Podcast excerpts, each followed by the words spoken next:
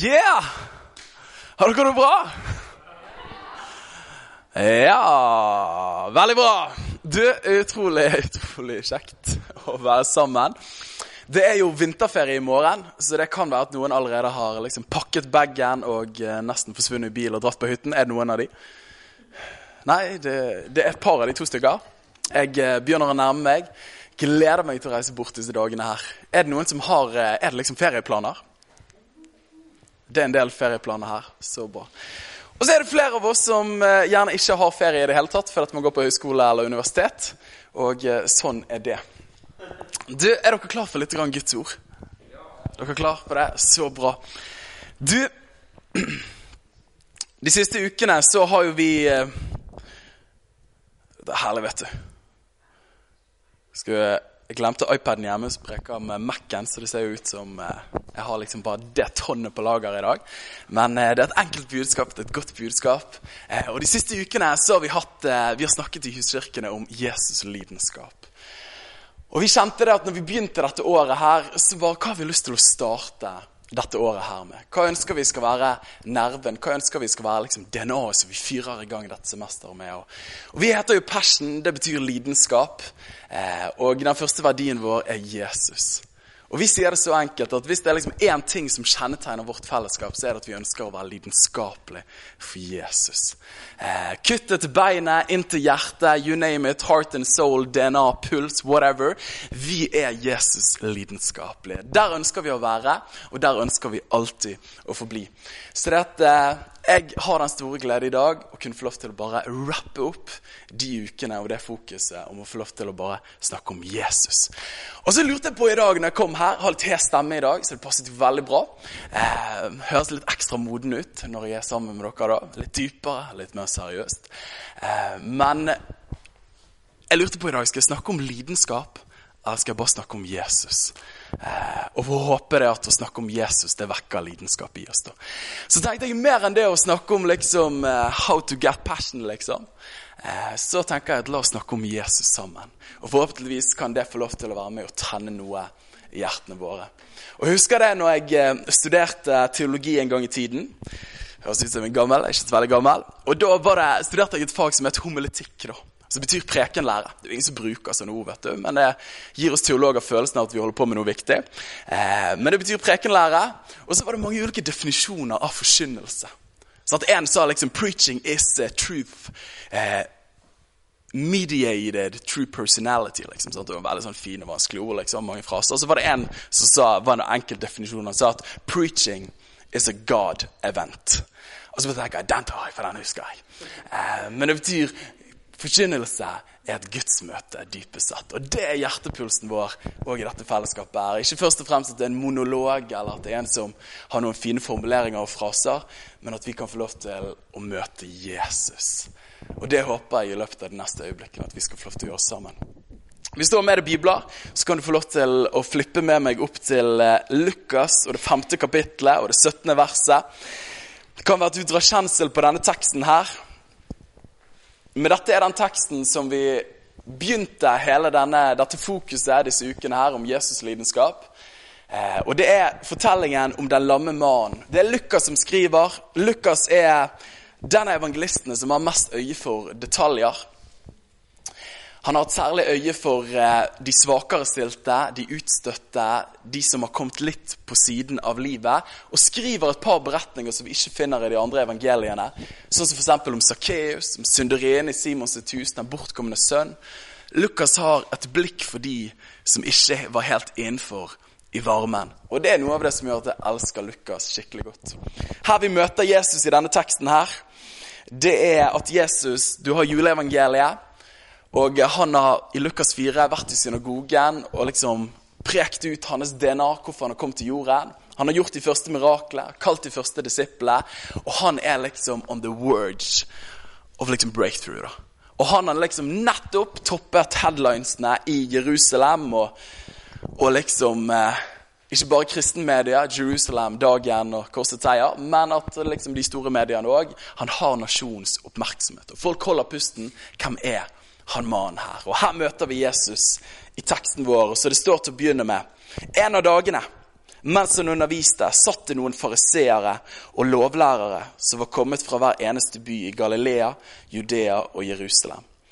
De hadde kommet over hele landet for å se om han er Jesusen her som plutselig kom. Hvem er han? Og Herrens kraft var der til å helbrede dem. Og se, da skjedde det at noen menn kom bærende med en lam mann på en båre. Og de prøvde å få ham inn og legge ham foran ham. Og Da de ikke kunne finne ut hvordan de skulle få ham inn pga. folkemengden, gikk de opp på hustaket og firte både ham og båren ned mellom taksteinene, midt foran Jesus. Midt foran Jesus. Da han så deres tro, tro er synlig, sa han til ham, du menneske, dine synder er deg tilgitt. Og De skriftlærde og fariseerne begynte å tale sammen, og de sa, hvem er, hvem er han som taler slike spottende ord? Hvem kan tilgi synd utenom Gud alene? Men Jesus, som kjente deres tanker, svarte og sa til dem, Hvorfor tenker dere slik i deres hjerte? For hva er lettest å si? Dine synder er deg tilgitt. Eller å si stå opp og gå. Men for at dere skal vite at menneskesønnen har makt på jorden til å tilgi synder, sier han til den lamme. Jeg sier deg, stå opp, ta båren din og gå hjem til et hus. Straks reiste han seg opp foran dem, tok opp det han hadde ligget på, og gikk hjem til sitt eget husmann som priste Gud. Og de var alle sammen ute av seg av undring. Og de priste Gud og ble fullt av frykt og sa, vi har sett forunderlige ting i dag. Og som Markus sier, i Markus' sin skildring så står det at vi har sett ting vi aldri noensinne har sett før. Jeg har valgt å titulere de enkle ordene jeg skal dele med dere i dag, 'Tilbake som tilgitt'. Tilbake som tilgitt. La oss ta og be sammen. Jesus, vi takker deg for de øyeblikkene som vi deler rundt ditt ord nå, Gud.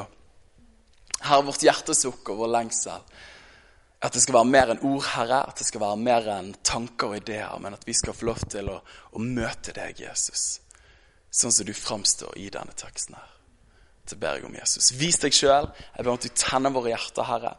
Og ber om at vår lidenskap for deg måtte bli større i løpet av de øyeblikkene vi deler. I ditt mektige navn. Amen. Amen. Så herlig. Du, for et par måneder siden, når jeg og Helene var nygift, så ble vi Det er alltid gøy å ha en illustrasjon, for Helene vet ikke hva som kommer. Eh, men for et par måneder siden så var vi nygift. Og så hadde våre gode venner i Anvik de hadde invitert oss med på en sånn kjærestedag der. Runar og Helen. Og Vi skulle til Anvik, og flere av dere har jo vært der tidligere. The Nation of Anvik. Det er en egen nasjon, liksom. Det er egne lover, det er egne regler. Du gjør det du vil der inne. Det er litt sånn andre tilværelser. Eh, men der inne skulle vi kjøre ATV. Vi skulle rappellere ned en fjellside. Jeg gjorde ikke det.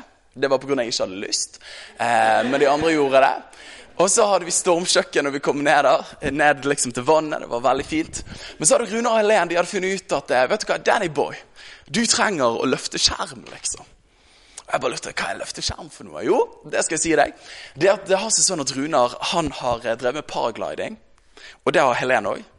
Eh, og jeg har ikke veldig mye kjennskap til det, men det er jo det at du flyr liksom fra en fjelltopp, da, og så flyr du utover. Og så Jeg skal jo selvfølgelig ikke det. liksom. Det ville jo vært eh, forbi dumhet. Eh, men jeg skulle få lov til å løfte skjerm, og det betyr at du bare drar skjermen med deg, og så prøver du å få litt luft under den, sånn at du heves litt opp fra bakken. Eh, og det tenkte Rune det her er en god ting for Daniel å gjøre. da. Og uten å overdrive så er jo jeg en bygutt, som de sier. Og jeg trenger ikke si at jeg ikke fikk det til på første. Men du prøver å løpe.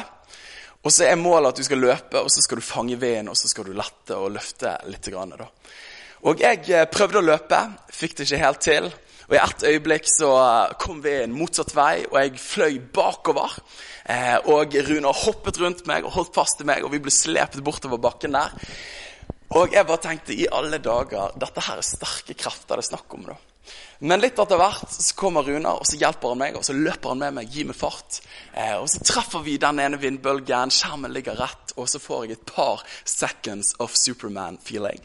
Og jeg flyr gjennom luften et par meter opp der, og så varer den en liten stund. Og så tenkte jeg på, i møte med den erfaringen der Jeg skal ikke skryte på meg at jeg er veldig flink, men eh, vi fikk et lite moment of uh, flying. Men jeg tenkte på den erfaringen der av å fly i livet. av det å få luft under vingene. Jeg tror så ofte det er en erfaring som, som vi alle lengter etter.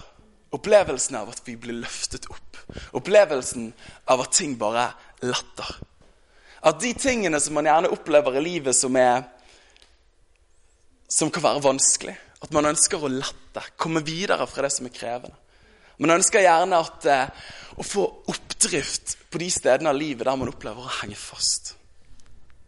Og Der man gjerne opplever at det er uoppgjorte relasjoner som holder tilbake. Sår kanskje det måtte være. Arr, ting i livet som man bare ikke kommer løs fra. Rutiner, tankesett. Ting som holder tilbake. Og den opplevelsen av kan jeg få luft under vingene mine. Jeg har så lyst til at jeg kan få lov til å kjenne de tingene som har holdt tilbake så lenge, at det er akkurat så det kommer luft, og jeg kan reise meg igjen. Og jeg vet for min del, og jeg tror sikkert for flere av våre sin del, så er det opplevelsen av å kjenne oppdrift. Opplevelsen av å kjenne at man ikke holdes tilbake. Opplevelsen av å kjenne at det er luft i paraglideren. Liksom. Det er ikke sikkert du har tenkt det før, men akkurat den opplevelsen at man letter. da. Og så tror jeg at flere av oss har opplevd det at vi løper. Prøver å trekke skjermen. Prøver å ta av. Men så er det akkurat som det ikke skjer. Og at vi løper så fort vi kan, men så er det akkurat som vi er blitt slått tilbake igjen. Eller vi løper til én side og håper at det funker denne gangen, men så får vi ikke den oppdriften. Og i møte med livets maktesløshet av og til, og av og til opplevelsen av motløshet som slår inn, hvor finner vi den oppreistheten som vi alle søker etter på noen områder i våre liv? I møte med livets maktesløshet, motløshet, hvor finnes denne oppreistheten som vi lengter etter? Jeg tror det er en erfaring som ikke bare jeg kjenner meg igjen i, men som vi alle kan kjenne oss igjen i. Opplevelsen av å lette og få luft under de tingene som har holdt tilbake. Jeg tror at denne teksten her gir oss et nydelig innblikk i akkurat det her. I de første versene her Jesus har entret scenen Folk over hele landet kommer for å sjekke ut hvem er han Jesusen her. Han fyren som pryder nyhetsoverskriftene og som snur nasjonen på hodet. Han fyren her, hvem er han? Og det står det at de lovlærde og fariseerne fra hver by i hele landet hadde kommet for å sjekke han ut. Den religiøse eliten, de som var VIP-folkene. The very important persons in the nations. Hvem var denne mannen her? De måtte prøve å finne det ut. Og ikke bare var det de som kom sammen, men det står at det var fullt av folk der. Hele folkemengden kom. For jeg tror at denne Jesusen her tente noe i hjertet til folk flest som de lengtet etter.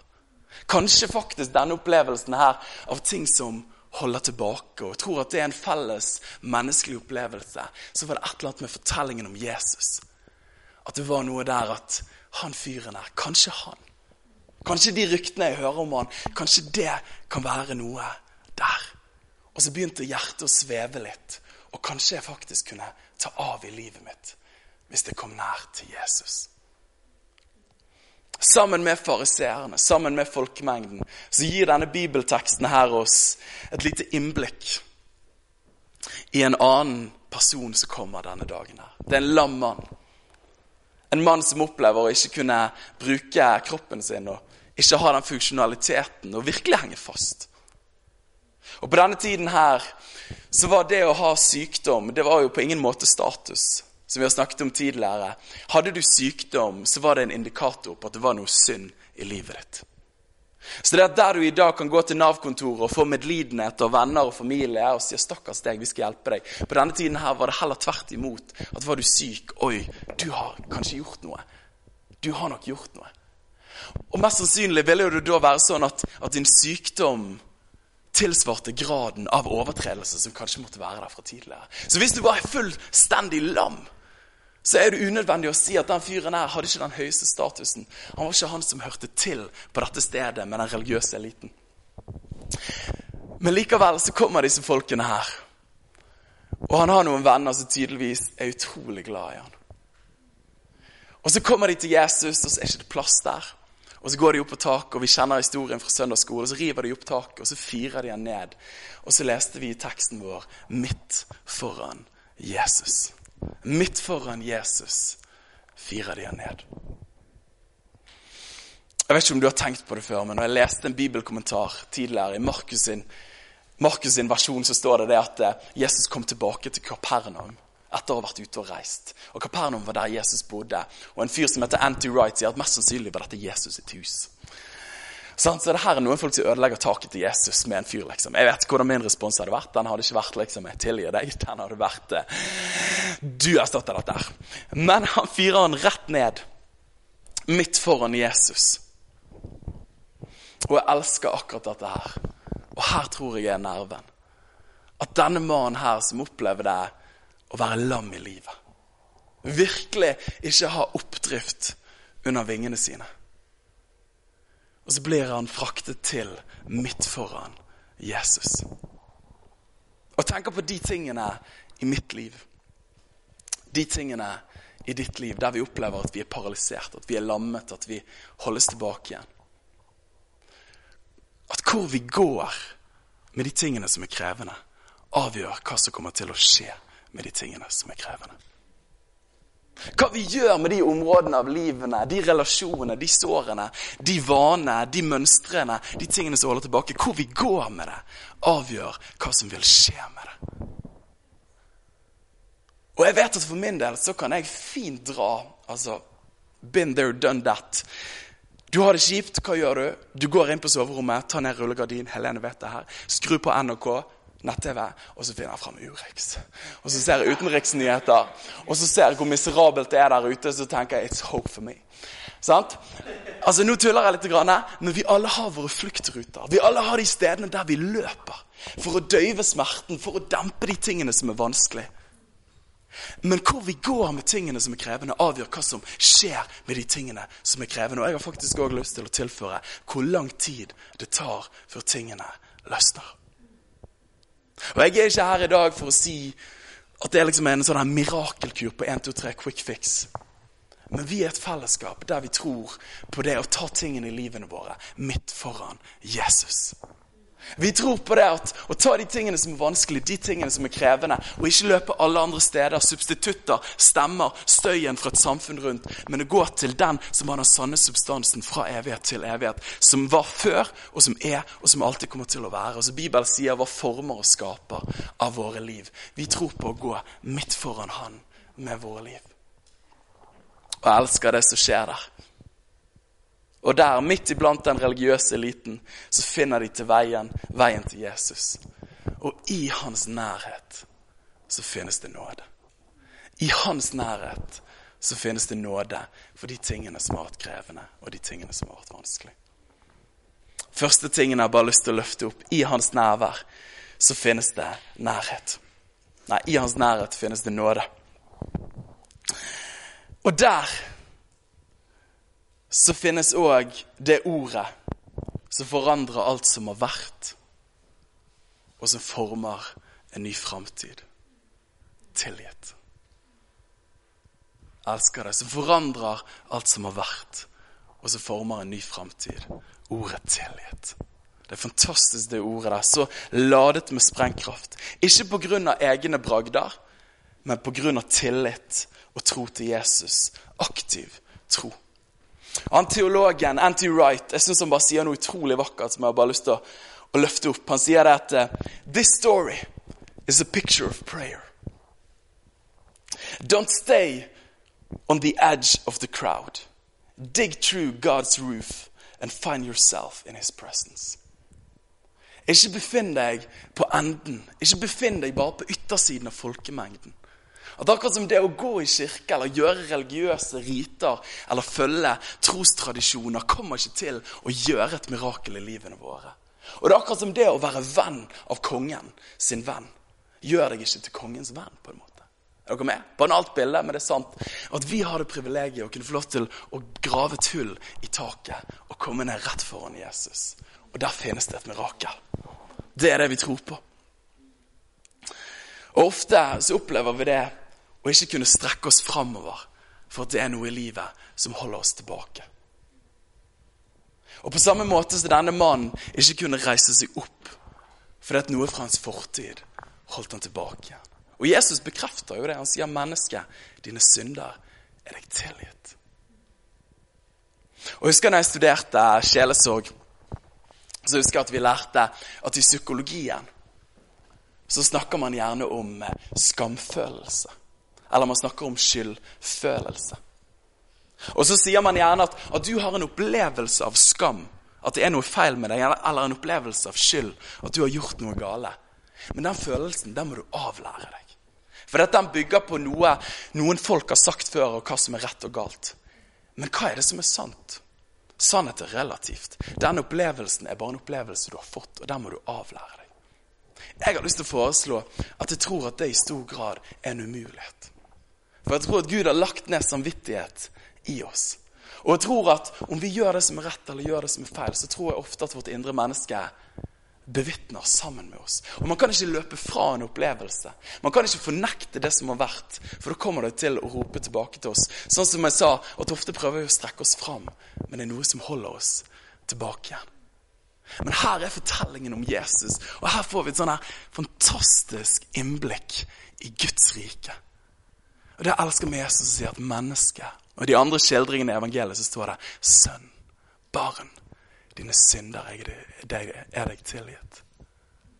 Og det som er så fantastisk med nyheten om Jesus, det er at vi erkjenner det som har vært synden. Men vi bekjenner det som nå er nåden. At vi fornekter ikke det som har vært, men vi tar et oppgjør med det. Og i nåden så får man en ny begynnelse. Jeg elsker det, altså. Og dette ordet her, tilgitt, sendte sjokkbølger i denne folkemengden her. Men det har endt opp med å sende sjokkbølger utover alle landsbyene i Israel.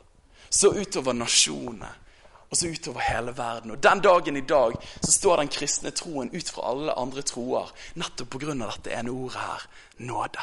Tilgitt. At det går an å få en ny begynnelse med denne guden her. Ikke en fornektelse, ikke en avlæring av det som har vært, men en erkjennelse av at dette har vært. Men en bekjennelse av at nå er det en ny begynnelse i Hans nåde.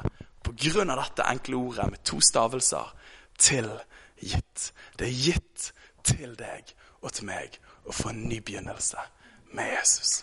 Det er fantastisk, altså. Det er en nåderevolusjon som har gått over jorden siden Jesus kommer. Gud med to føtter som kom og sa 'Jeg har gode nyheter'. Som ingen andre kan gi, men som Jesus har gitt. Det er fantastisk. Det løfter hjertet. Paulus sier det sånn at der synden ble stor, der ble nåden enda mer overstrømmende rik. I Romerne 5,20. Nåde er ikke bare en fin ting vi putter på toppen. Det er ikke bare deodorant oppå svette. Nåde, det er et bad som renser fullstendig. Og som tar bort driten, og som gir en begynnelse. Det er Guds nåde. Fantastisk. Det ga denne gutten her en ny begynnelse. Og Noen ganger går vi tilbake før vi kan gå framover. Noen ganger må vi gå tilbake til de stedene der det er sår, der det er bitterhet, der det er vanskelig og så kunne få lov til å si 'Jesus, her er det', og oppleve at han taler over våre liv.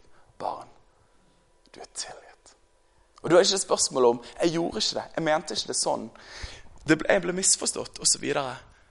Men du kunne få lov til å erkjenne 'vet du hva, jeg tenkte dette, jeg sa dette, jeg gjorde det'. Men Jesus, takk for en ny begynnelse på toppen av det hele. Og så en liten ting jeg har bare lyst til å touche på der. Det står at disse vennene bar til Jesus. En fyr som heter Jason Wallaton, han, han, sier det sånn, han sier at jeg har mange ganger opplevd og befunnet meg i situasjoner i livet som er for store for meg, men som aldri har vært for stor for min familie. Er ikke det vakkert? At når vi opplever at det er områder i livene våre der vi er lam, der vi ikke klarer å bære oss sjøl til Jesus av og til, så kan vi ha venner. Så kan vi være som Passion, som huskirker, så kan vi få lov til å være et fellesskap der vi løfter hverandre til Jesus. Der vi sier 'Vet du hva, jeg har tro på deg'. Der vi sier 'Vet du hva, det er en lysere morgendag'. Vet du hva, De tingene du opplever, det finnes en ny start. De tingene du kjemper med, jeg vet om at det finnes en oppreisthet. Og så kan vi bære hverandre til Jesus. Måtte vi være sånne folk. Og vet du hva? En av de beste tingene med å gifte seg for min del, det har vært at de gangene jeg opplever at det er liksom skyen over hodet Vi alle har vært der. og Du ser ikke klart. Og så kan jeg si 'Helene'. Dette er det jeg føler. Fortell meg det som er sant. Og så begynner hun å si 'Daniel, du, du, du, du, du, du, du. Eh, du er veldig kjekk.' og takk, Helene, det bekrefter. Eh, det er store ting vi kjemper med i livet. Det er det. Eh, ja, ja.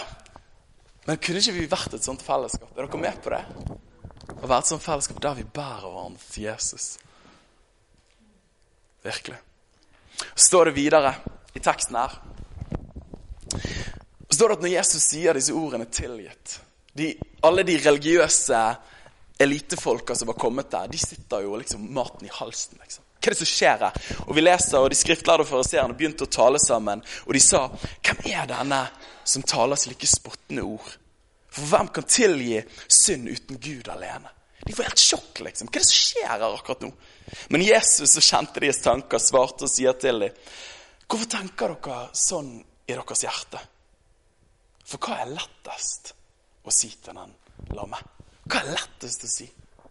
Det som er greien her, sånn at Ofte så kan fariseerne få litt sånn ufortjent dårlig rykte. De virker liksom som de kjipe steintavlene liksom, som bare er utrolig moralister. Har lyst til alt skal gå ned og under. Men dette er jo folk som har en opplevelse og en forståelse av Guds rike. Som er sånn som dette her, at den jødiske loven Jo mer vi intensiverer observasjonen av den jødiske loven, jo mer vi etterlever budene og reglene Og fariseerne de var hardcore, liksom. Sant? Det er 613 bud i Det gamle testamentet, men de hadde liksom Du har Toraen, og så har du Talmud på utsiden av den, som beskrives som et gjerde utenfor gjerdet. Sånn at vi i hvert fall ikke skal bryte det eneste gjerdet. Altså, de hadde bare regler for everything. sant? Du kunne ikke gå og pusse tærne uten videre. Du måtte liksom gjøre 13 ting før du var der. Sant? Og de, sant? de hadde en forståelse av Guds rike. At jo mer du gjør lovene og reglene, jo mer er tilstanden tilrettelagt for at Gud kan komme, han kan få sin vilje, hedningfolkene kan bli straffet, og Israel kan bli løftet opp. Og de forsto det sånn med synd at skulle du bli tilgitt, så var det Gud alene som kunne tilgi deg. Og da burde det helst finne sted der tempelet var. Og det burde helst finne sted i møte med en høytid. Med et offer, og helst forsoningsofferet, den høytiden der de feiret at syndene ble tatt bort, og så slaktet de masse dyr. Og så var det en prest som måtte si til deg 'Dine synder er deg tilgitt'. Og helst burde det være overste presten som sa 'Du er tilgitt'. Så når da han her hippie-preacheren fra Nasaret kommer og bare sier 'Bro, your sins are forgiven', og de bare sier 'Du spotter Gud'. Det er ikke sånn det funker. Er dere med? Og de hadde en forståelse av Gud, en type matematikk, som sa at én pluss én er lik to. Du får det du fortjener. At hvis denne mannen her var syk, så er det en grunn til at han var syk. Og da må han levere bidragene for å kunne få sin helbredelse. Og de tenkte det at din avkastning i møte med relasjonen til Gud tilsvarte din investering. Men så kommer Jesus, vet du. Og Jeg har kalt det en ny type matematikk. For der fariseerne sin forståelse av Gud, sin matematikkforståelse, var logisk, rasjonell og uten skjønn, så kommer Jesus med en helt annen matematikk, som jeg kaller for nådens matematikk. Der du får det du ikke fortjener. Og Det er det som er hele klimakset i denne historien. Det er det som gjør at hele byen kommer på hodet. For at Jesus representerer en ny matematikkforståelse. Nådens matematikk. Og der det tidligere, den rasjonelle måten å tenke på, der det var liksom at, at har du masse minustegn, så er det ingen selvfølge at du kommer til å komme over på plussiden. Og der det tidligere sto et kaldt plusstegn mellom alle dine feiltrinn, så kommer Jesus med nådens matematikk, og så sitter han et kors der det sto et plusstegn. Og det forandrer regnestykket for alltid. At hvis det tidligere var masse minusledd og faktorer før sluttstreken, så blir det plutselig et positivt sluttresultat likevel. Dette er nådens matematikk. Dette er måten Gud gjør relasjon til mennesker på. For at Jesus er lidenskapelig for vår oppreisthet. Han sier i Johannes 10, 10 så står det at, at Jesus sier at 'jeg har kommet for å gi dere liv i overflod'. Dette er Guds hjertesukk for våre liv.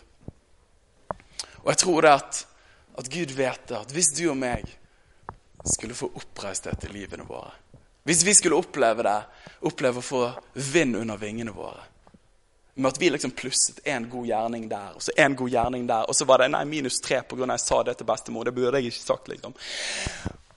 Og så er det akkurat som det der sluttresultatet blir minus uansett. Det blir røde tall. Men så kommer Jesus og bare sier vet du hva, jeg er lidenskapelig for din gjenopprettelse. Jeg er lidenskapelig for en menneskehet som ikke fikser det på egen hånd.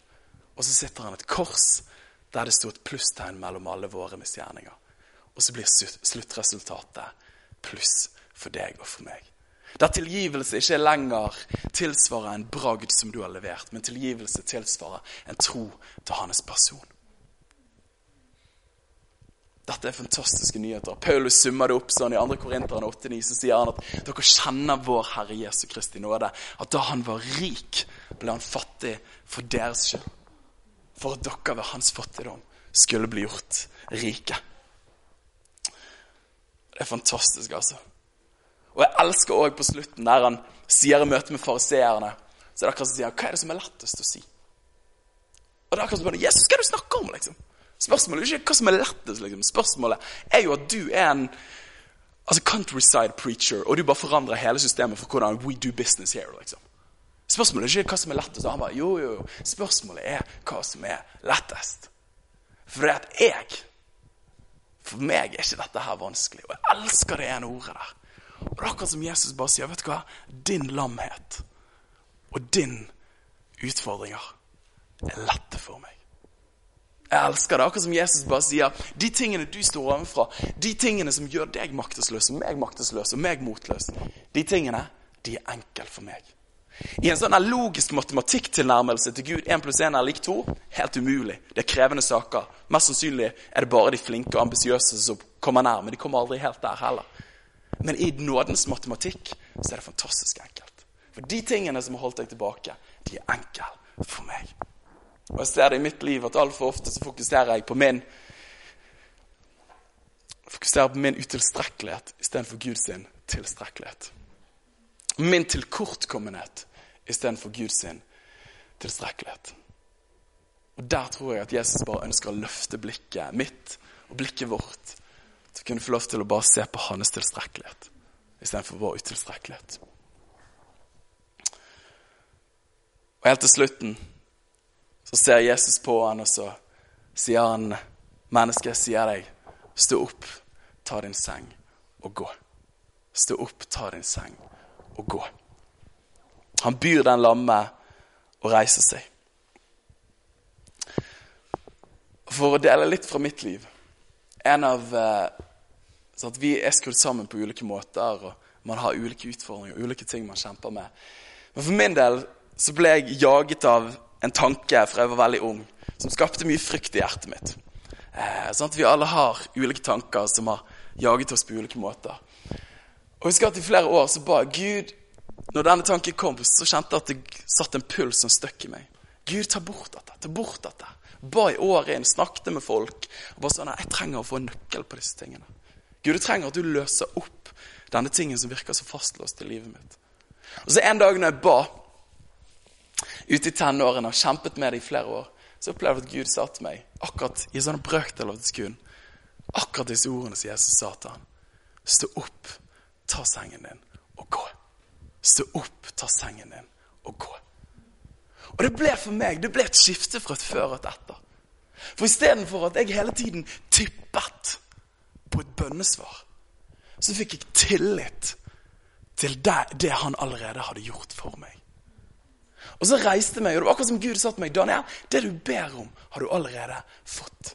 Våg å tro det, og reis deg opp og begynn å gå. Og fra den dagen av så har de, de løgnene der ikke truffet meg på samme måte i det hele tatt. For at jeg våget å tro at han hadde gjort det. Og det er et ord til deg og meg òg at, at i tilgivelsen at du og meg er tilgitt. Og at i tilgivelsen så finnes det kraft til å reise seg opp. Jeg elsker det, altså. Det finnes kraft til å reise seg opp. Og istedenfor å ha tillit og tippe på et mirakel, så kan vi få lov til å ha tillit til mirakelets mirakel, nemlig at Jesus ga sitt alt for oss, og sa at alt er ferdig for deg og for meg. Og helt til slutt så står det om han Det står om at straks reiste han seg opp. Og jeg digger det. Jeg tror flere av oss kan få lov til å få den erfaringen. At vi har stått overfor ting, og så er det den dagen man begynner å tro Jesus. Så bare straks reiser man seg. For at den kraften, det bønnesvaret, har alltid vært der. Men så får man lov til å tro det, og så får man få lov til å ta steg i det. Straks reiste han seg opp, og så står det her og han dro ut foran dem, tok opp det han hadde ligget på, dine substitutter, sengen din. Du skal bære den, substituttene skal ikke bære oss. Tok det opp og gikk hjem til sitt eget hus mens han priste Gud. Og her står det de var alle ute av seg av undring. Det ordet 'ute av seg' betyr ekstase på gresk. Ekstase, De var liksom bare sånn, De var helt der. Ekstase, det betyr exit, og stase betyr stand. De sto utenfor seg sjøl. De sto utenfor seg sjøl av undring, og de priste Gud og ble fulgt av frykt og sa vi har sett forunderlige ting i dag. Og Ordet 'forunderlig' betyr paradoks. Motsettende ting.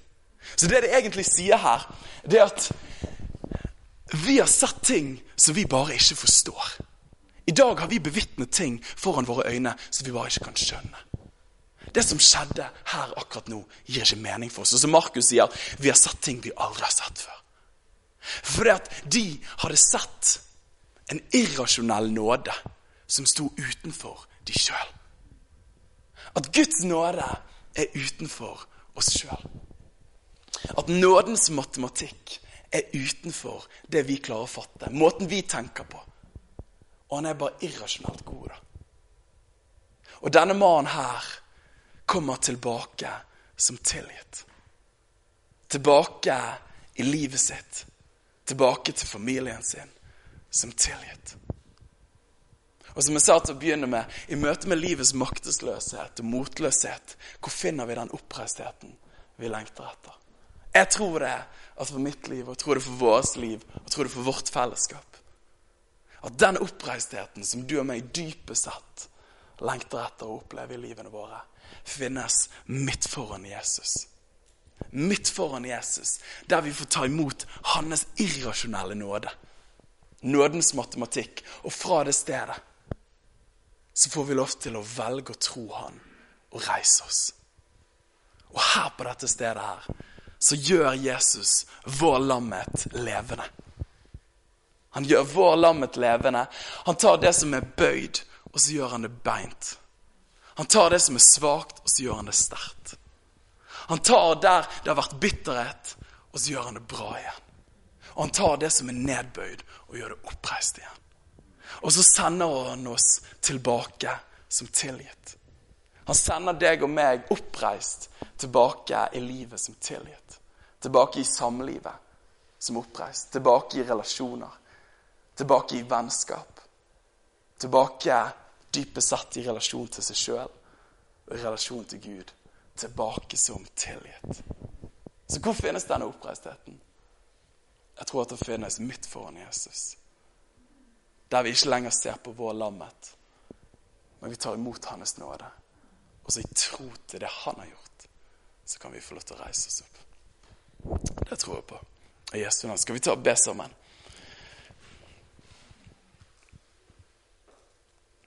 Halleluja. Jesus. Herre, vi takker deg, Jesus, for den du er.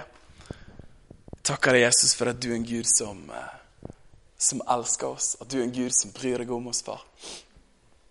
Herre, du kjenner de områdene av våre liv der vi opplever at vi ikke får vind under vingene. Der vi opplever å henge fast. Der den oppreistheten vi lengter etter han. Og far, jeg ber Gud om at du, på samme måte som denne lamme mannen her, at du må komme med nåde i vår nød, Herre. At vi må få lov til å finne nåde i din nærhet. At du må lede oss inn til deg. At vi må våge å tro at du har gjort ting opp for oss her. Og våge å tro at du er så god som du sier du er. Og at vi kan få lov til å erfare at vi reises opp til nytt liv. Og at vi kommer tilbake som tilgitt.